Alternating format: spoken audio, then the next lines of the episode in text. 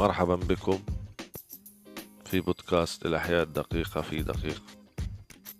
أنا محمد رشوان من فلسطين غزة. بكالوريوس في الأحياء الدقيقة. استعرضت معكم في الحلقة الثانية من هذا البودكاست عن تحدثت عن الأحياء الدقيقة أو الميكروبات.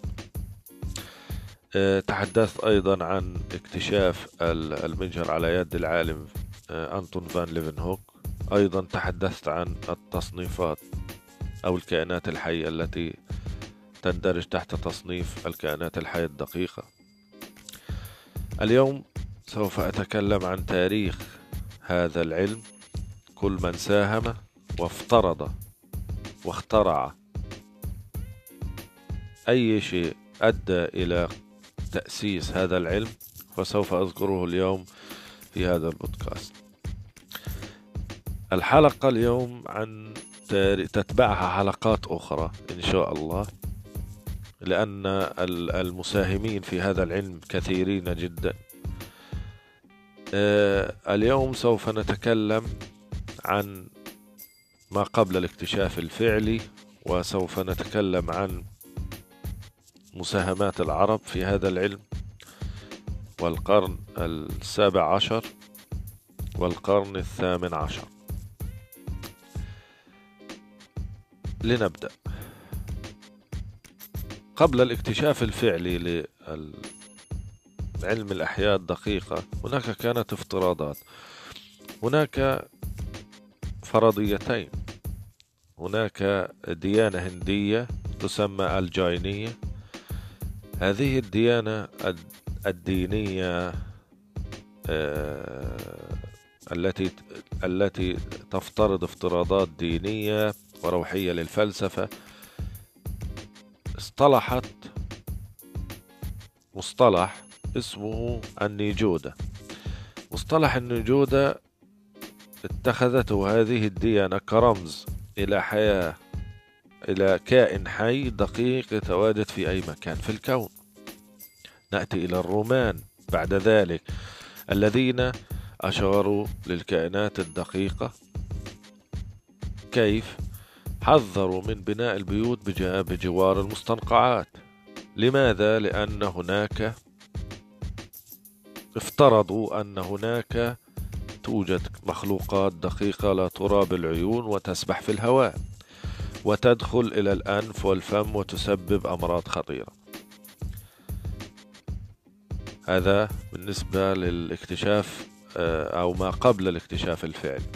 نأتي إلى مساهمات العرب. ذكر العرب الأحياء الدقيقة في كتبهم مثل الرازي الذي ذكرها في كتابه الحاوي وكذلك ابن سيما ابن سينا في كتابه القانون.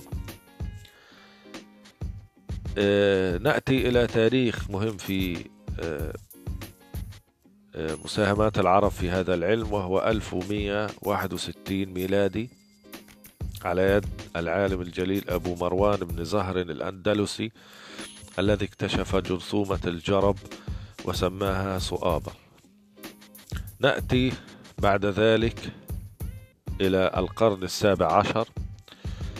في القرن السابع عشر اخترع المجهر على يد أنطوني فان ليفنهوك عام 1676 ميلادي. ووصف البكتيريا وكائنات دقيقة أخرى. بواسطة المجهر الذي كان ذو عدسة واحدة فقط وقوة تكبير من 200 إلى 300 مرة نفس العالم أنتوني فان ليفن هوك سجل صور مرسومة بدقة لخلايا بكتيرية تم عزلها من قشط الأسنان في عام 1683 ميلادي. في العام 1740 ميلادي العالم نيدهام يجري تجاربه على اللحم المطبوخ. ولاحظ وجود بعض الكائنات الدقيقة وفسر أنها نشأت من تلك القطع. هذه النظرية كان آه، خرجت في ذلك الزمن وسميت بنظرية التوالد التلقائي أي أن العديد من الكائنات مثل الديدان والفئران والحشرات تنشأ ذاتيا من أجزاء غير حية الشيء الغير حي يتوالد ليصبح شيء حي. هذه نظرية التوالد الذاتي. في العام 1755 أثبت العالم تلت أن مرض تفحم القمح هو مرض معدي. هذه فقط آه، آه، إثباتات. ولكن لم يروا الكائنات الدقيقة بعد.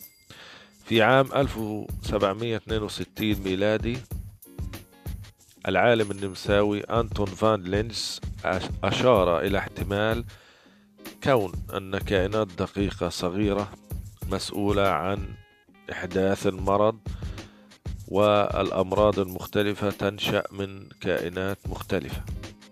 إذا كل افترض هذا العالم افترض هذا العالم أن كل كائن حي دقيق يسبب أمراض محددة.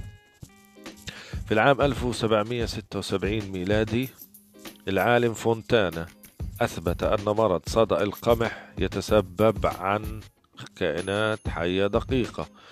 إذا لقد استعرضنا اليوم آه، تاريخ الكائنات الدقيقة من قبل الاكتشاف الفعلي ومساهمات العرب وأيضا القرن السابع عشر والثامن عشر. أكتفي بهذا القدر حتى لا أطيل عليكم. إن شاء الله آه، في الحلقة القادمة سوف نستعرض باقي الإسهامات من العلماء في القرن التاسع عشر والقرن العشرين. وشكرا لكم على هذه ال ال هذا الاستماع وأتمنى أن أكون قد أفدتكم بشيء ولو قليل من هذا العلم. شكرا لكم جميعا ولا تنسوا أن تدعموني على منصة باتريون دوت كوم حتى يستمر هذا البودكاست. ولا أريد أن أطيل عليكم أكثر من ذلك. شكرا لكم. والسلام عليكم ورحمة الله وبركاته.